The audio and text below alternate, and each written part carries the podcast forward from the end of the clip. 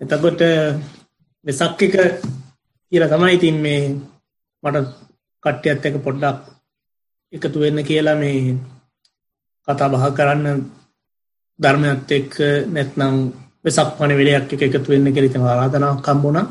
අපේ සමන්සිරි හාමුදුරුවන්ට අන්දසීල හාමුදුරුවන්ට බොහොම පිං ඒ වගේම මේ ඒ පුණජි හාරෝ ලංකාවේ දැන් මාස ගානක් කිරෙවල ඉන්නවා ඇත්ත දාන නිසා ඉතින් පුණජි හන්ටත් අපි ආශිර්වාද කරනවා.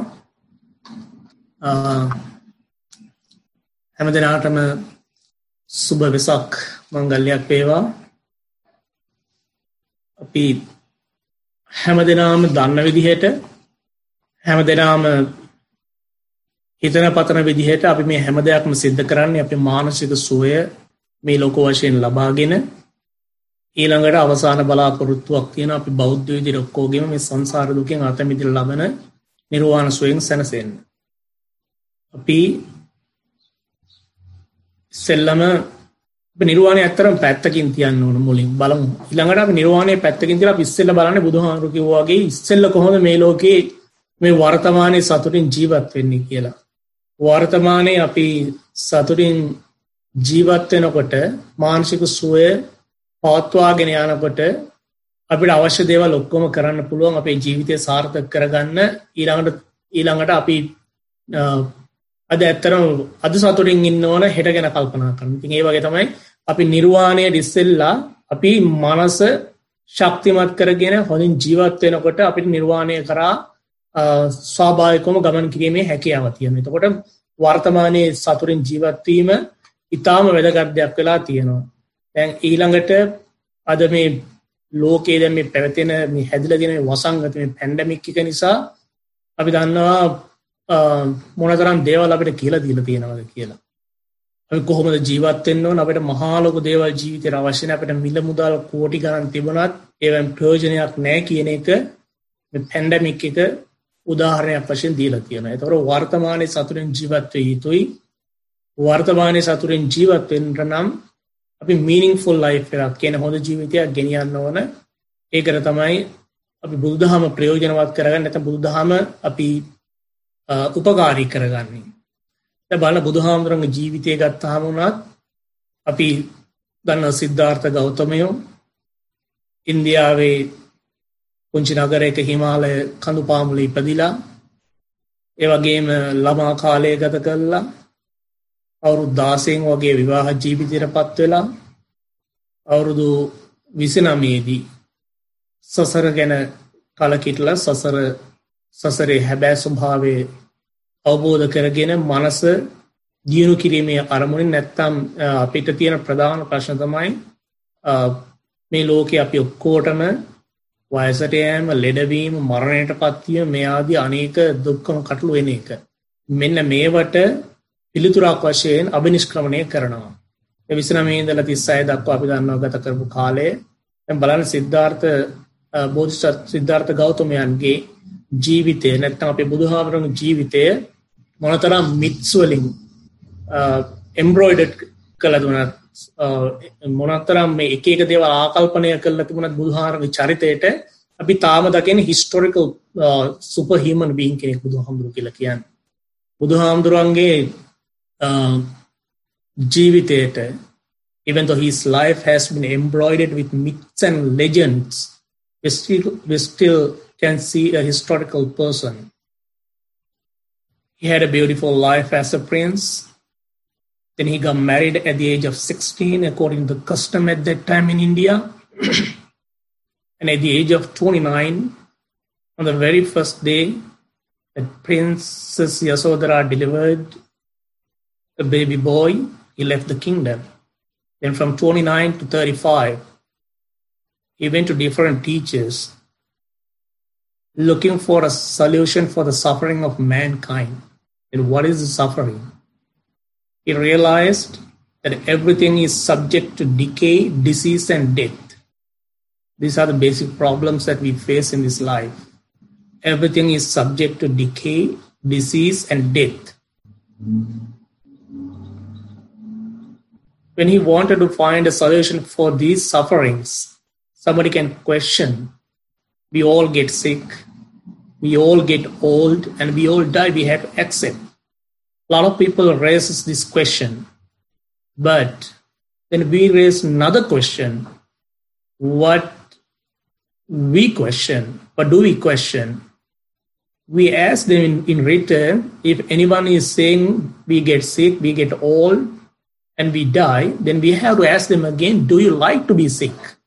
Do you like to be old? And do you like to die? No. Nobody likes to be sick. Nobody likes to be old. I don't like to be old. I don't like to be sick because they, they cause suffering. මෙන්න මේක තමයි ප්‍රශ්නය ප්‍රශ්නය බලන්න අවුරුදු විසිනමේදී මේ ප්‍රශ්නවලට පිළිතුරු හොයාගෙන අභිනිෂ්ක්‍රමණය කරන සිද්ධාර්ථ කුමාරයන්ගෙන් ගොඩක් කටිය ප්‍රශ්න අහන්න පුළුවන්. අපි ඔක්කොම ලෙඩ වෙනවා වයසට යනවා මැරෙනවා. අපිට ඒ පිළිගන්න. නමුත් අපි අහන්නේ ආපහු පෙරලා ඔබ කැමතිද වයසට යන්න? ඔබ කැමතිද ලෙඩ වෙන්න? ඔබ කැමතිද මැරෙන්න? නැහැ. මෙන්න මේකට පිළිතුරක් වශයෙන් තමයි අභිනිෂ්ක්‍රමණය කළත් self modification නැත්තම් ගොඩාක් ජීවිතයට දුක් දුන්නේ විමුක්තිය හොයාගෙන රවුදු 35 වෙනකම් 35 දී අවබෝධ කරගත්ත ධර්මය බුද්ධත්වයට පත් වෙලා අවුරුදු 80 වෙනකම් බුදුහාමුදුරුවෝ දේශනා කළා. එතකොට මේ කාල පරාශය තුල වැඩිපුරම කතා කරන්නේ මනස ගැන. අපි මේ මනසත් එක්ක කරන මේ ජීවිත කාලය පුරාම අපි කරන්නේ මේ මනසත් එක්ක නිකන් ඩීල් එකක් බිස්නස් එකක්. මනසත් එක්ක තමයි මේ අපි මේ සංසාරයේ පුරාවට මේ හැම දෙයක්ම සිද්ධ කරන්නේ. මොකද මනස තමයි හැම දෙයකම ප්‍රධානම දේ. මනස තමයි the fastest object on the planet. මේ ලෝකේ තියෙන වේගවත්ම දේ තමයි හිත කියලා කියන්නේ.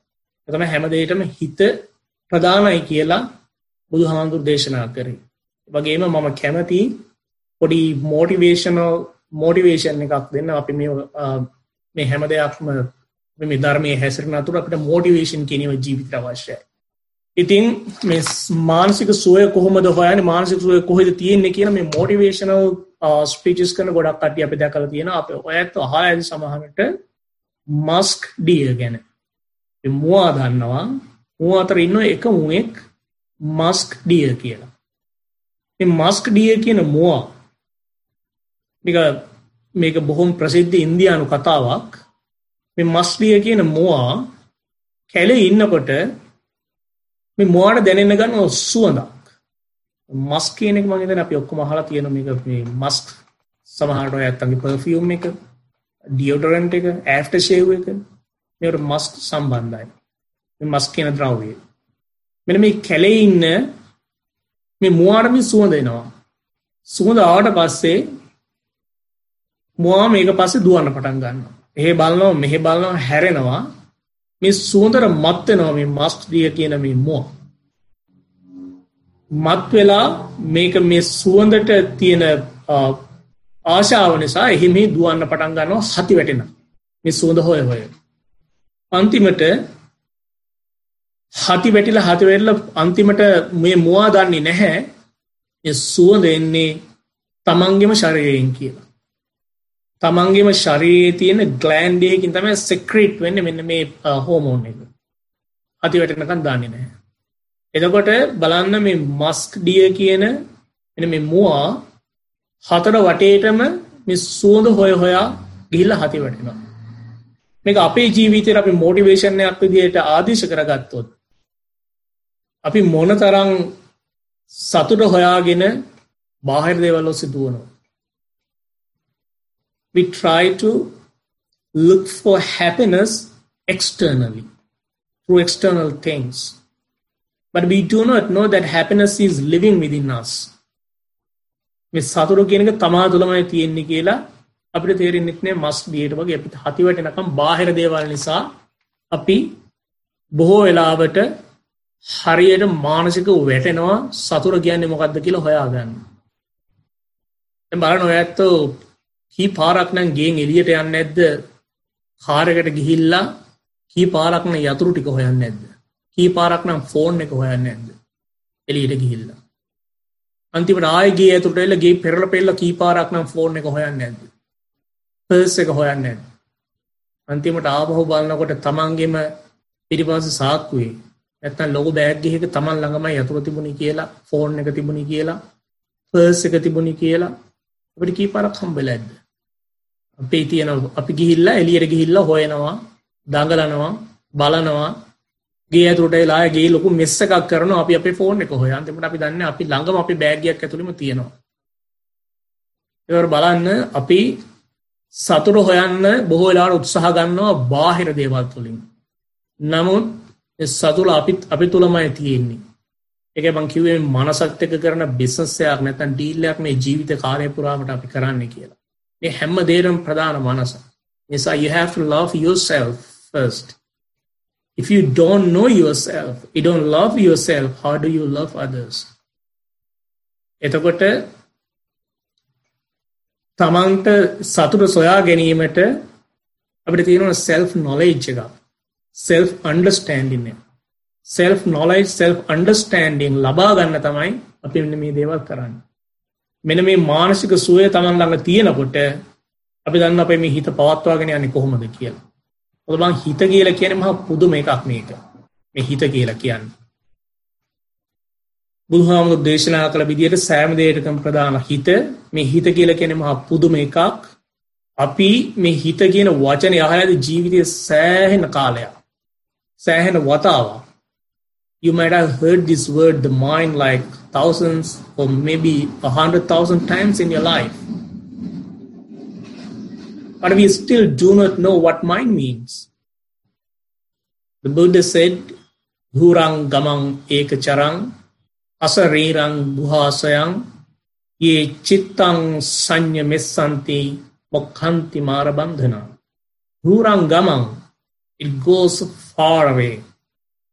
Ekacharang, it wanders alone. Asariram doesn't have a body, it is bodiless, formless. Guhasaya, it lies in a cave. Yechittang is the mind. Sanyame Santi Mokhanti Marabandhana. You and I could dominate this mind when it is trying to be strict, when it is trying to be wild. If we can, if we could tame it, our nirvana is right there we can get rid of all the mental defilements. That's why the Buddha said it is pretty hard to dominate or control or purify this mind, but we still get the potentiality to do so. As human beings, we all do mistakes. That's very natural. There's no one else, there's nobody on the planet who is 100% right.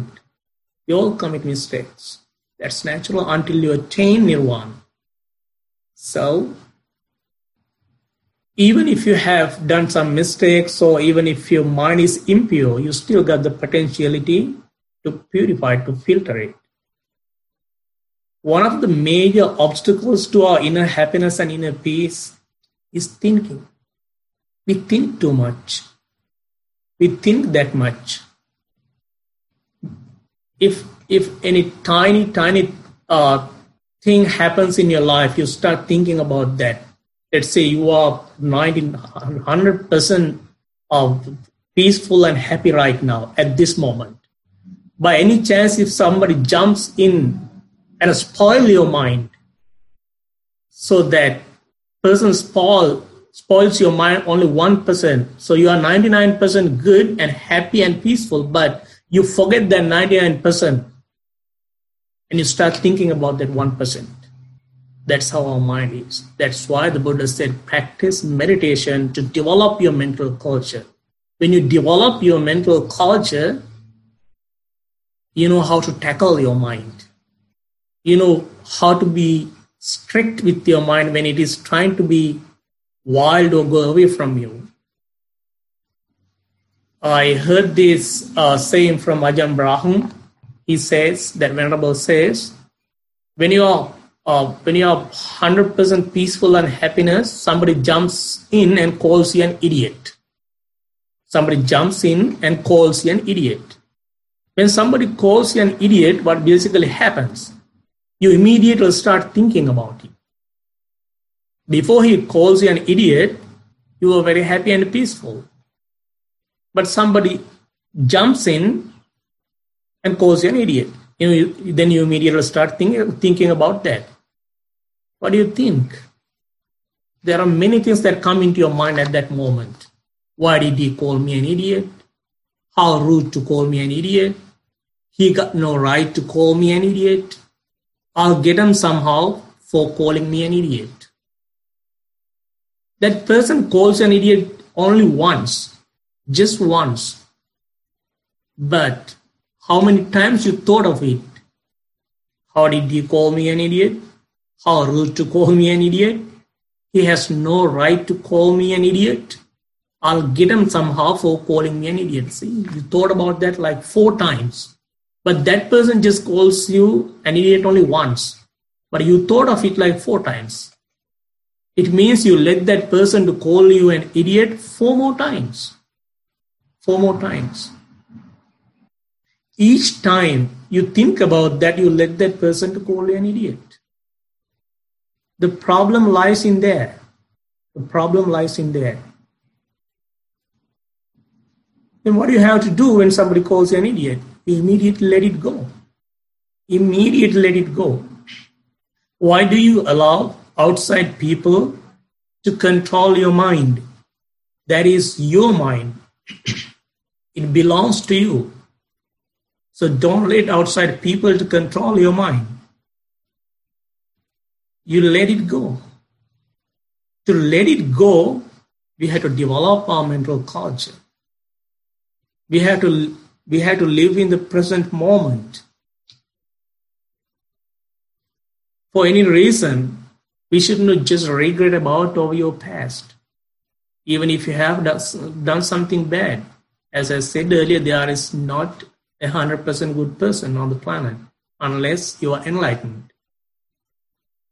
So do not worry about all your past. Also, don't dream about your future. Try to live in the present moment. Just be busy with your breath. Then you don't have time to think about other things. That's why people who made mistakes should not be condemned. We have to help them to correct themselves. That's why I personally don't like the word prison I think here in the United States, they, they call it the correctional center, the correctional facility, which is a very good term. You can just call them, you are a man, you are a person who made a mistake. That's why we are against the death penalty. That's what we expect from the very first precept refrain from killing. Refrain from killing means we should not hurt anyone either physically, verbally, or emotionally. That is bad karma. People may think or refrain from killing means I should not kill any living being. Of course, you should not kill any living being, but it means you should not hurt anyone either physically, verbally, or emotionally. Also, why do we ask people not to kill? Is it because you go to hell? It is because it's bad, bad karma. Of course, it's bad karma and you may go to hell. But in Buddhism, the Buddha says not to kill mean because every living being on the planet has the right to live. මේ ලෝකෙ සෑම සත්වයකුටම ජීවත් වීමේ අයිතියක් තියෙනවා. ඒකයි අපි පළවෙනි ශික්ෂාපදයෙන් අර්ථවත් කරන්නේ. අපිට කිසිම අයිතියක් නෑ වෙන කෙනෙක්ගේ ජීවිතය ඩැහැ ගන්න. එකන බුදුහානු කෙලින්මගේ තමා තමාට උපමා කරගන්න කියලා. ඔබ ගහ ඔබ ගහ ඔබට කවුරට ගහනවට බනිනට ඔබ බයද ඒ වගේම තම අනිත් සත්වයෝ. එතකොට අපායන නිසා නෙවේ සත්තු මරන්න එපා කියලා කියන්නේ. මේ ලෝක සෑම සත්වයකුට ජීවත්වීම අයිතිය තියෙන නිසා ඒ අයිතිය රකින්න ඕන. ඒ වගේම හිරගෙවල්ලට අපි හිරගෙවල් නොකේ කරක්ෂනල් ෆැසිලිටස් කියන වචන වනත් පාවිච්චි කරන්න කරන්න කියලා කියන ඒගොල පුනරුත්තාපනය කරන්න කියලා කියන මිස්ටේක්ස් මිනිස්තුවතින් වෙන්න පුළුව අපිගේ රූට් කෝස්ට එකට කියල ඒකට ප්‍රතිකරම කරනවා මිසක මරණ දඩුවමින් ලේසියෙන් මේ ලෝකේ අපිට මේ ක්‍රයිම්ස් කියනෙ වඩු කරන්න බෑ ඒවගේම අපි මොන දේවල් ජීවිතය කරලා තිබොනත් අපි ඇතින් පාප කර්ම සිද්ධ වෙන්න පුළුවන්. අපි ඇතින් වැරදි සිද්ධ වෙන්න පුළුවන්. නමුත් ඒව අකා මකාගෙන ඉදිරියට යාමේ හැකියාව බුදුදහම තුළ තියෙනවා. එන මේ නිසා තමයි අර දලයි ලාමා කියන හාමුදුරුවන්ට ලන්ඩනලා මේ ආරාධනාවක් කෙනවා පල්ලියක දේශනයක් කරන්න. දලයි ලාමා කියන හාමුදුරුවෝ දේශනයක් පවත්වන්න යනකොට දහ පාලොස් දහක් එකතු වෙනවා. ලන්ඩනල පල්ලි ප්‍රේස්ලා මංස්ලා නන්ස්ලා කොම ක්‍රිස්ටියන් හැම කට්ටියම හිටිය ඔක්කොම ඉස්සරයි දලලාම සාමානය විහිලු කරන කෙනෙ දලලාම කියන වෙන මෙහ I think we Buddhist people are more fortunate than you people because the God has given you only one life to prepare for your salvation. In this case, the Buddha was not so unfair. We have been given millions of lives to prepare ourselves if not in this life, you got millions of lives, you got another life, you got another life, you got future lives. Everybody was surprised when they understood what he meant. He did not want to insult or disrespect anyone or any religion because the Buddha's point of view towards other religions. Practice your religion and respect others. Buddhism could be the best religion for me, but Buddhism is not the best religion for a Catholic, a Hindu, a Jew, a Muslim, or an atheist. Christianity could be the best religion for a Christian, but others. Hinduism could be the best religion for Hindus, but others. So we should never ever say my religion is the best. To me, yes. To me, yes. And when we try to convert others saying, oh, our religion has to be the number one, it is the best, so we have to increase the population of my own religion. Then what we do? We, we create unnecessary problems. We create conflicts. We create conflicts. Most of the wars on the planet have been happening because of religion. By trying to make the whole world Buddhist or Christian or Catholic or Hindu or Jew or Islam. You just practice your religion and respect others. That's why the Buddha said you should never ever believe in Buddhism. You don't have to believe in Buddhism. You just can come and see and study it, examine it, research it, work on it, try to apply it into your life. And then if you feel it's good, it's okay, it, it, it fits to my knowledge, it fits to my mentality, and it fits to my inter, uh, eh, intellectual capacity, then you start practicing it. බුදුහාරු කවදාවත් කියලා නෑ ඇවිල්ලි ඉවර වෙලා බුද්ධාගම වැළඳ ගන්න කියලා. මේක තමයි තියෙන යුනික්නස් එක බුදුදහමේ.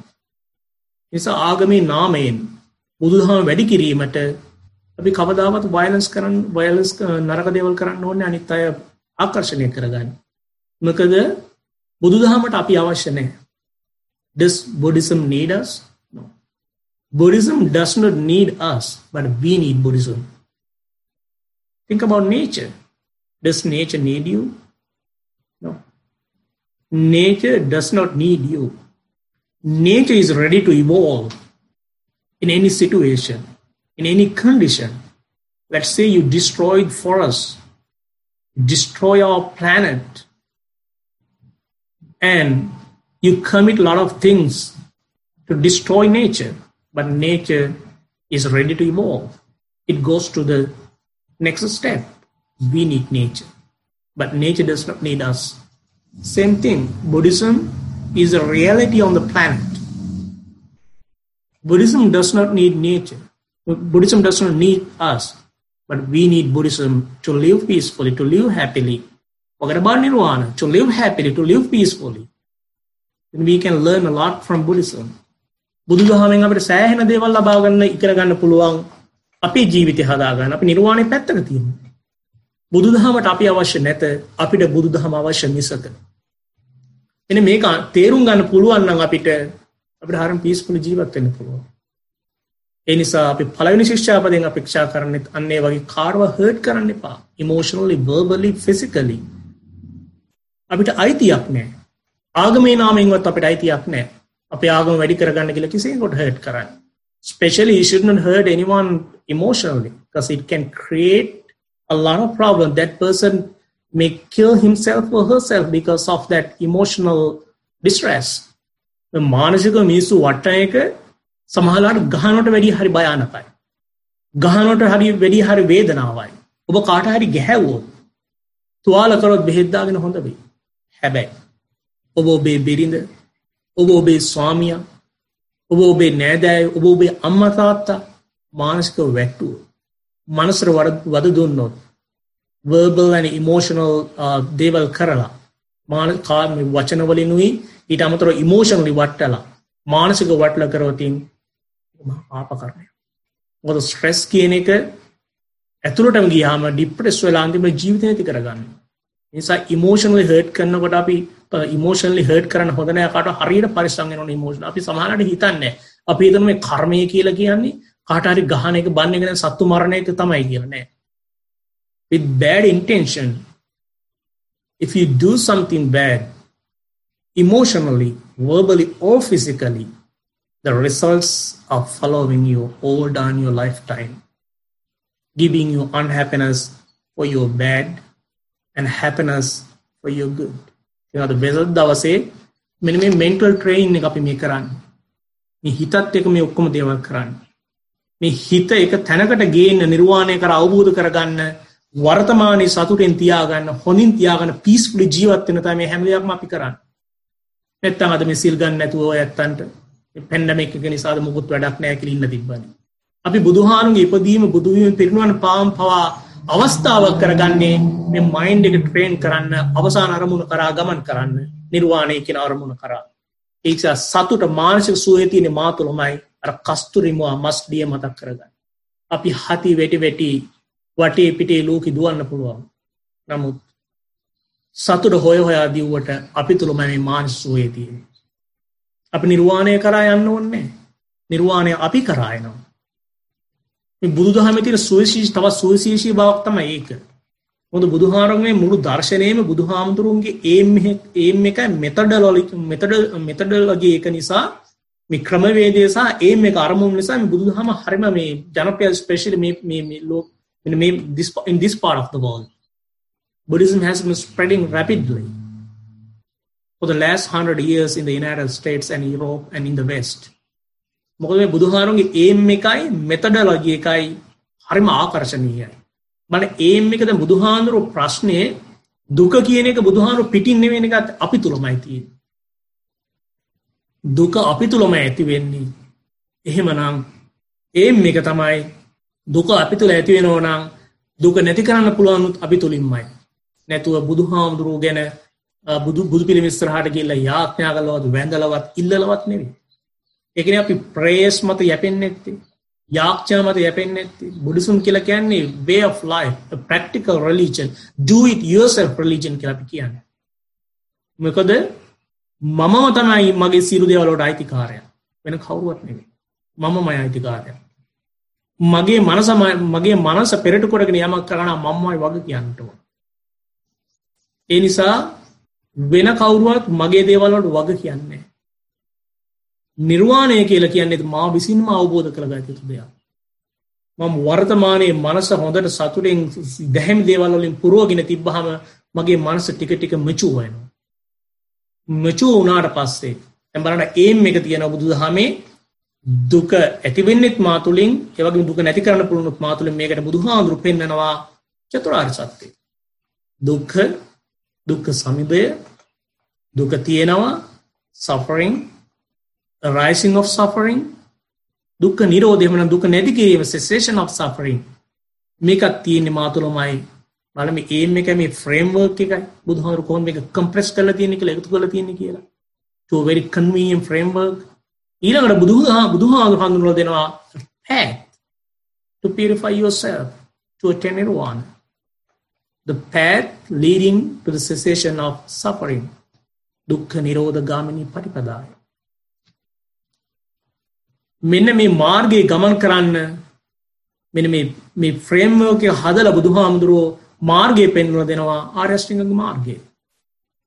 අපේ ජීවිතය ගැන යථා තත්ත්වය සම්මාධිට්ටියෙන් පෙන්න්නනවා. යහපත් දැකීමෙන් හරි දැකීමෙන් ජීවිතය ගැන වටහාගන්න. ඊට පස්සේ මේකට ඉන්ටෙන්ෂන්යක් ඇති කරනවා.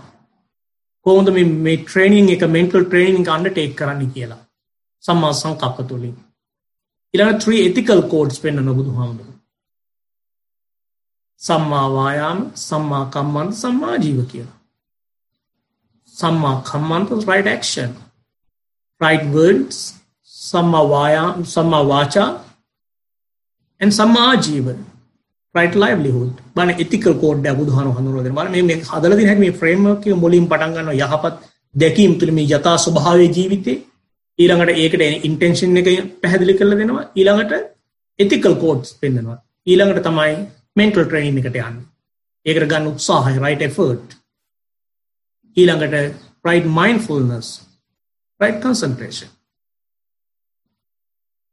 මෙන්න මේ 8 factors මේ noble eightfold path එකේ මේ 8 factors when they come to the full maturity while developing your mental culture following this path when it comes to the full maturity your nirvana is right there you don't have to go in search of nirvana instead nirvana will come in search of you එතකොට නිවන් පුර රුවන් දෝර විවර වේවා නිවනට යන්න කියලා අපි ප්‍රාර්ථනා කරන්න අවශ්‍ය නැහැ. මොකද අපි මනස ට්‍රේන් කරනකොට අපි මනස දියුණු කරනකොට ඒ කියනවා ඒකේ උපරිම තලයට උපරිම තලයට ආවට පස්සේ අපේ නිර්වාණය එතන තියෙනවා. මේක තමයි බුදුදහම තියෙන සුවිශේෂී බව. ඒක තමයි බුදුහාම කිව්වේ මම නුඹලාගේ මාර්ගෝපදේශකයා මිසක ගැලවුම් කාර්යයා නෙවෙයි කියලා. තථාගත කියලා අපි කියන්නේ ඒකනේ. තුම්මේහි කිච්චං ආතප්පං අක්ඛාතාරෝ තථාගත. The Buddha is just a guide, an advisor. It's our duty, it's our responsibility to walk the path. The Buddha can't take you to Nirvana. The Buddha can just guide you. බුදුහාන් පුළුවන් අපිට guide කරන්න විතරයි. බුදුහාන් පුළුවන් අපිට guide කරන්න විතරයි.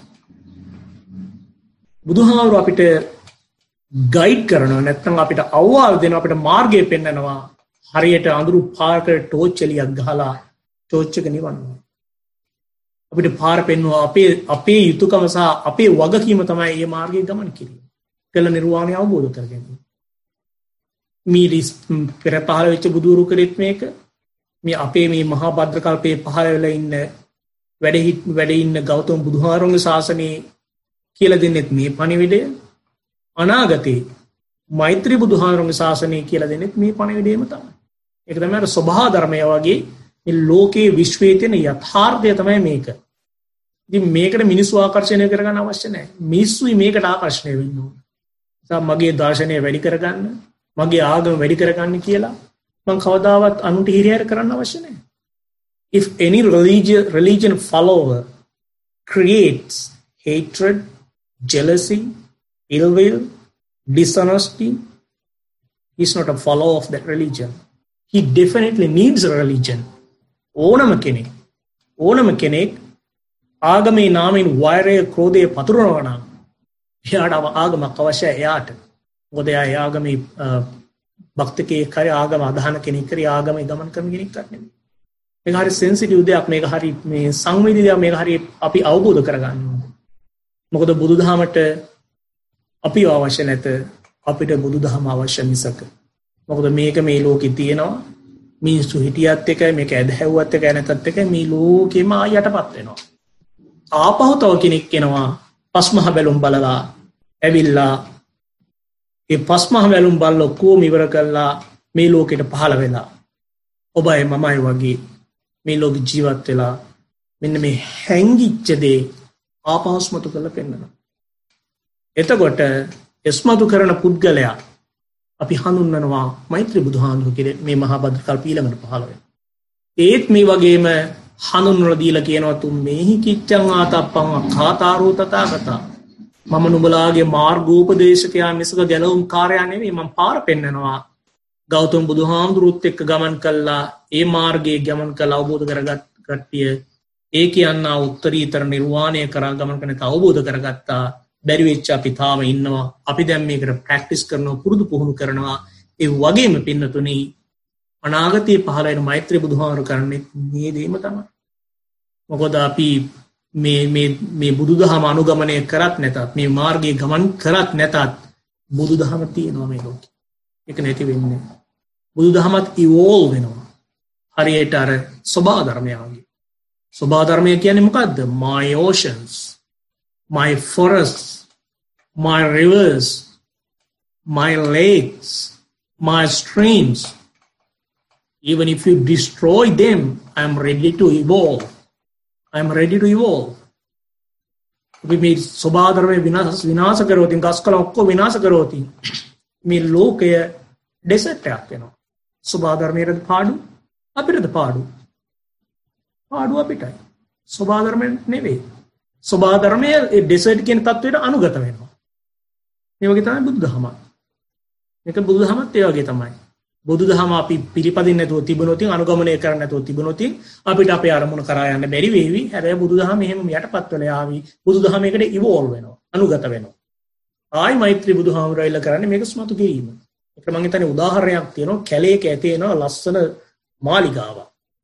මේ මාලිගාව ඇති වුණාට පස්සේ කාලයක් ගිහිල්ලා මේ මාලිගාව වැහිලා යනවා කැලේ. මේ මාලිගාවට යන ලස්සන පාරක් තියෙනවා. ඒ පාරොස්සේ ගිල ගොඩා කට්ටිය මේ මාලිගාට ගොඩ වැතිෙනවා ඒක තමයි හොඳම තැන. ඉතින් කාලයක්ත් එක්ක මේ මාලිගාව වැහෙන ගස් කොලාම් පාරට කලාගෙන වැටල පාරවහෙන ඉස්සරම. ස්තෙල්ලම් පාරවහෙන පාර වැහුණට පස්සේ ආපහෝ. අර මාලිගා උඩට ගස්වැල් ගිහිල්ලා තුරුලතා ගිල මාලිගාවත් තනිකරම වැහෙනවා. දැම් පාර වැැහුණ මාලිගා වැැහුණ. පාර තියෙනවද? පාර තියනෝ පින්නතු තුර මාලිගාව මාලිගාවත් තියෙනවා. වෙලා තියෙන වැහිලා. වෙලා තියන වැහිලා. තැන් කාලයක් යනකොට එක පුද්ගලයෙක් පහළ වෙනවා. එක පුද්ගලයෙක් ඇවිල්ලා කල්පනා කරගෙන හිතම ගත මනස දියුණු කරනකොට පේනවා අහවල් තැන මාලිගාවක් තියෙනවා කියලා. ඊට පස්සේ මාලිගාවට යන්නේ කොහොමද කියලා හොයනවා. මාලිගාවත් තියෙනවා කියලා දකිනවා. මාලිගාහවල් තැනක තියෙන්නේ කියලා දකිනවා. තොර මාලිගාව පේනවා මාලිගා තියෙන තැන හොයා ගන්නවා ඒවගේම මාලිගාවට යන්න මාර්ගයක් හොයන මාර්ගෙත් දකිනවා. දැකලා එලි කරගෙන එලි කරගෙන එලි කරගෙන එලි කරගෙන යනවා. ගිහිල්ලා ප්‍රමාලිකාට ගොඩ වැතෙනවා ගොඩ වැදිල ඇවිල්ල කියනවා ආපව හැරල බල්ල කියනවා වටේ පිටි ඉන්න කට්ටේ එදා ජීවත්වන කට්ටියට කියනවා ලස්සන මාලිගාවත් තියෙනවා කෙළේ අවල් තැන. ඒක වැහිල තිබුණේ මාලිගාවක් තිබුණා. මාලිගාව දැක්කා. මාලිගාව හොයාගත්ත. හොයාගන්න මාර්ගයක් මං හෙව්වා. ඒ මාර්ග ඔස්සේ කියලම මාලිගාව හොයාගත්තා. අන්න උබලත් යන්න. ඔබට අවශ්‍ය සියලුම සදා කාලික සැප සම්පද එතන තියෙනවා කියලා කිය. එතකොට මොකක්ද මේ මාලිගාව මොකක්ද මේ මාර්ගය කවුද මේ හොයාගත්ත. පස් මහා බැලුම් බලලා මේ ලෝකයට පහළවෙච්ච වසරදිදා සයසිකට කලින් සිද්ධාර්ථ කුමාරය තමයි රාජ සැම්පත් රාජකය සැප සම්පත් විඳලා අවුරුදු දාසේදී විවාහ වෙලා ඉන්දියාවේ ක්‍රමයට අනුවේදා අවුරුදු විසනාමේදී සසර කලකිටල සසර ගැන කලකිරිලා සසරෙන් නික්මීමේ චේතනාවෙන් මහන වෙලා තපස් දමට පෙළමිලා අනෝමා ගංතෙරේදී මේ වගේ වෙසක් මාසයක ඉපදිච්ච ගහක් යට ලුම්බනි සල්ලිවනේ සිද්ධාර්ථ කුමාරයා අභිනිස්ක්‍රමණය කළ අවුරුදු විසනමේදී අවුරුදු තිස් පහේදී තිස් පහක් වෙනකන් ශරයට අපමණ දුක්දීල මේ මාලිගාව හොයාගන්න. අවුරුදු තිස් පහේදී මාලිගාව හොයාගෙන ගහක් යටදිමයි මාලිගාව හොයාගත්තේ. යගේම මාලිගාව හොයාගත්ත මේ බුදුරජාණන් වහන්සේ අවුරුදු අසූවිදී ගහක් යටම කුසිනාරාවේදී පරිනිර්වාණයට පත් එතකොට පස් මහා බැලුම් බල්ල වැඩී සිද්ධාර්ථ ගෞතමය. කාලේ දීපේ දේශය කුලේ මම කියෙන අපිට ඕනෝන කාලට බුදුරු පහළ වෙන්නේ බල මේ සමාජය හයිලි මටරිලිස්ටික් මේක හයිලි මටරිලිස්ටික් සසයිට එකක් දැන් තියෙන්නේ. මිනිසු දැන් ස්පිරිචුවලිටියකින් අයින් වෙනවා. තර මේ කාට බුදුරු පහළ වැඩක්නේ මේ කාල මිනිස්සු අහන්නේ බුදුරු කියනද ඒකන අදවනත් බන බෝධිසත්ව ගුණ තියන මිනිස්සුන්ට අනිකට්ටික නෝජලය කියලන ඒ මිනිස්සුන්ගේ ඉවසීම කරුණාව දයාව මෛත්‍රිය අනෙත් මිනිස්සු ගන්න මොකක් කියලද? නොන්ජලෙක් ඉදිර දකි මිනිස්සුගේ මනස කරප්ට වෙනවාද ස්පෝයිල් වෙනවා. බෞතික දේවල් පිටි පස්සෙම හබාගෙන යනවා ස්පිරිචුවලටියකින් ටිකටි කයින් වෙනවා.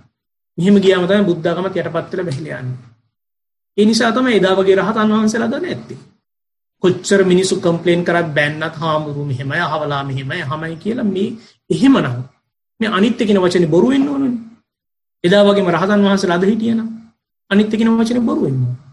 වෙනස් වෙන්නේ. එතකොට අර පස්මහ බැලුම් බල්ලා පහළ වෙච්ච සිද්ධාර්ථ කුමාරයා අවුරුදු 16 දී විවාහ වෙලා 29 දී සසරෙන් නික්මීමේ චේතනාව අභිනිෂ්ක්‍මණය කළා. අවුරුදු 35 දී මාලිගාව හොයා ගන්නවා. මොකද්ද මාලිගාව නිර්වාණය? මොකද්ද පාර ආර්ය අෂ්ටාංගික මාර්ගය? මාලිගාව දැක්ක දුක. මාලිගාව අහවල් තැන තියෙනවා කියලා අවබෝධ කරගත්තා දුක්ඛ සමුදය. මාලිගාවට ගොඩ වැදෙන්න පුළුවන් කියලා තේරුම් ගත්තා දුක්ඛ නිරෝධ.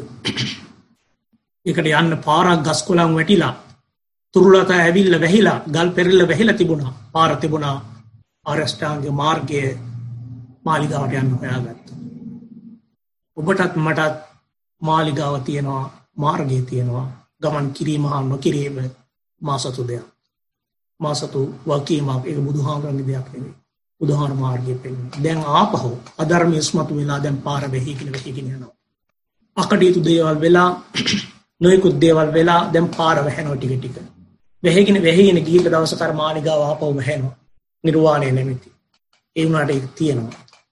මේ විශ්වයේ යථාර්ථය ආපහු මෛත්‍රී නම් වූ බෝධිසත්වය පහළ වෙලා පස් මහ බැලුම් බලලා අපිට ඕන ඕන විදිහට නෙමෙයි ඕන ඕන කාලට නෙමෙයි. ආපහු මේ ලෝකයේ අර විදිහටම ජීවත් වෙලා මෙහෙම එකක් තියෙනවා. මෙහෙම පාරක් තියෙනවා. මේකට යන්න ඕන කියලා එයා හොයාගෙන හොයාගෙන ගිහිල්ලා ඒ ගෞතමයෝ ඒ ඒ ඒ මෛත්‍රී බෝධිසත්වයෝ අපි වගේම ඉපදිලා මහානදම් පුරලා අර පාර එලි කරගෙන ගිහලා මාලිගාවට ගොඩ වැදිලා එදාට ඉන්න කට්ටියත් කියනවා මෙනවානේ නම් මාලිගාවට යන්න ආර්ය අෂ්ටාංගික නම් බෙහෙල තිච්ච මාර්ගෙ මම හොයාගත්ත ඔබත් යන්න කියලා. ඒ නිසා ඒකට යන ගමනක් නේ. මේ විසක් කියලා කියන්නේ ඒක. ඒ නිසා අපි අතිශයින්ම සතු වෙන්න ඕන මේ වගේ ශ්‍රේෂ්ඨ දර්ශනයක් අනුගමනය කිරීමට වාසනාව උදා වීම ගැන. බලන්න ඔය ඇත්තෝ මොනතරම් මේ ගැන විශ්වාසයක් සහ මොනතරම් මේ පිළිබඳව කැපවීමක් නැත්තම් උනන්දුවක් නැත්තම් මොනතරම් මේක මේකේ වටිනාකමක් දැන්ලා තිබෙනවද? ඒකනේ දැන් බලන්න මේ මේ දවස්වල පවා වෙසක් සතිය කියලා අරමුණු කරගෙන ගෙදරට වෙලා හරි ඉඳලා බලන්න මේක අවබෝධ කරගන්න. මේකට යන මාර්ගය ගන්න වර්තමානයේ මනස සතුටින් තියාගන්න. අන හිතේකට පෙළමුණා කියන්නේම කොච්චර දෙයක්ද කියලා. 190කට වැඩි බීච් එකකට යන්න කෑ ගහද්දී 10ක් විතර නිර්වාණයට නැත්නම් හිත හදාගන්න මොනතරම් මෙන්න මේ කාලේ මේ පැන්ඩමික් එකත් මේ පැන්ඩමික් එකත් ප්‍රයෝජන කරගන්නවද කියලා බලන මේ වසංගතය වසංගතින් ලෝක කියන්නේ තෝකම තමයි. මොනවද තිබුණත් වැඩක් නෑ දැන් බලන්න අපිට මතකයි. වෛද්‍ය කණ්ඩායමක හිටපු ප්‍රධානම කෙනෙක් සීදි වෙනසාගත්ත මේ පැන්ඩමික් එකත් එක්ක. එයා අත්‍යවශ්‍යම කෙනෙක් ඒ සේවයට. මොකද දොස්තර දොස්තරවරයා වෛද්‍යවරයා සීදි වෙනසාගත්තා ස්ට්‍රෙස් එක දරා ගන්න බැරුව. අපි අද ගොඩක් අය වාසනාවන්ත වෙලා තියෙනවා මේ මේ දර්ශනය තුළින් මනස අපි ස්ට්‍රෙස් වලට මුහුණ දෙන්න පුරුදු පුහුණු කරනවා ස්ට්‍රෙස් කියලා කියන්නේ ජීවිතේ කොටසක් අපි අපි සැප වෙළඳ ගන්න වගේ අපි දුක වෙළඳ ගන්නත් ඕන. එතකොට තමයි ඒක එක්ස්පීරියන්ස් කරන්න කියන්නේ. මේව නිකන් සීසන්ස් වගේ. අපි මේ මනස කියලා කියන්නේ මේ මනස මේ මනසත් එක්ක මේ කරන ගනුදෙනුවක් නේ මේක. ඒතර මේ වගේ මේ ඇති වෙන ෆීලිංස්, ඉමෝෂන්ස් මේක සෑඩ් වෙන්න පුළුවන්, හැපි වෙන්න පුළුවන්. හැපිනස් තියෙනවා, සෑඩ්නස් තියෙනවා. හැපිනස් එකේ සතුටදී අපි සතුටු වෙනවා නම් දුකේදී ඒක අවබෝධ කර ගැනීමට තමයි මේ දර්ශනය අපිට තියෙන්නේ. එහෙමනම් ස්ට්‍රෙස් කියලා කියන්නේ නැත්නම් දුක හා සැප දෙකම හරියට සීසන්ස් වගේ. මේ ලෝකේ හැමදේම අනිත්‍ය නම් මගේ ප්‍රශ්න විතරක් නිත්‍ය වෙන්න බෑ. මගේ ප්‍රශ්නත් අනිත්‍ය විය යුතුයි. It's like summer and a winter. Summer comes, summer goes. Stress comes, stress goes. Winter comes, winter goes. මේ ඔක්කොම seasons වගේ. Seasons are coming and seasons are going. they don't stay there forever මෙන්න මේ stage එකට මනස දියුණු කරනකොට මේ ඔබ ඔබ ඔබ මේ කරන දේවල් වලින් ඔබට මේක දරාගෙන ඉන්න හැකියාව තියෙනවා some seasons are short and some seasons are long වහි වස්න වැස්ස වැහැගෙන වැහැගෙන යන පුළුවන් කාලයක් හැබැයි ඒත් නතර වෙනවා රස්නේ සුළු කාලයක් තියෙන්න පුළුවන් සුළු කාලෙකින් ඉවර වෙන්න පුළුවන් රස්නේ සමහර වෙලාවට එනවා යනවා ඒ නිසා ඔබේ ප්‍රශ්නත් සතුරු වගේම seasons වගේ. Seasons come, seasons go. So develop your mental culture to face those situations. ඒකට හොඳ අඩිතාලමක් අද දැම්මි කියලා හිතේ සැනසීම සතුට ඇති කරගන්න. මටත් බොහොම සන්තෝසයි සූම් එක හරහා ඇත්තෝ අන්තර්ජාලයේදී මෙසේ හමු වෙලා පොඩ්ඩක් ධර්මා ධර්මය ආශ්‍රයෙන් කතා කරන්න ලැබීම පිළිබඳව කැලිෆෝනියාවින්ද. එනිසා ආරාධනා කළ මැද මහනුවර අපේ සමසිරි හාමුදුරුවන්ට අනේක වාරයක් පින් දෙනවා වගේම අපේ නම්තීල හාමුදුරුවන්ට පුුණ්‍යානුමෝදනා කරන විශේෂයම විහාරාදීශ්වර අපේ තවලම පොන්නගි හාමුදුරුවන්ට ආශිවාද කරනවා පින් දෙනවා මේ අවස්ථා ලබාදීම් පිළිබඳව. ඒවගේ මේකට මේ දේවල් සංවිධානය කළ සිරුම් දෙනාට අසාමයෙන් ඔබ සිරු දෙනාටම පවුලේ හැම දෙනාටම ආශිවාද කරනවා පින් දෙනවා අවසර මේ සිරු පින්වල බලයෙන් දෙවියන්ට මේ ඥාතීන්ට ඔබ අප හැමටත් බොහෝ සසර කතරින් එතර වී ලබන අමා මහවන් ස්තූපින් සම්මේ සිල්පින් පාර්මී කර්මයක් බවට පත්වේවා සාධකයා පින් අනුමෝදන් වෙන්න.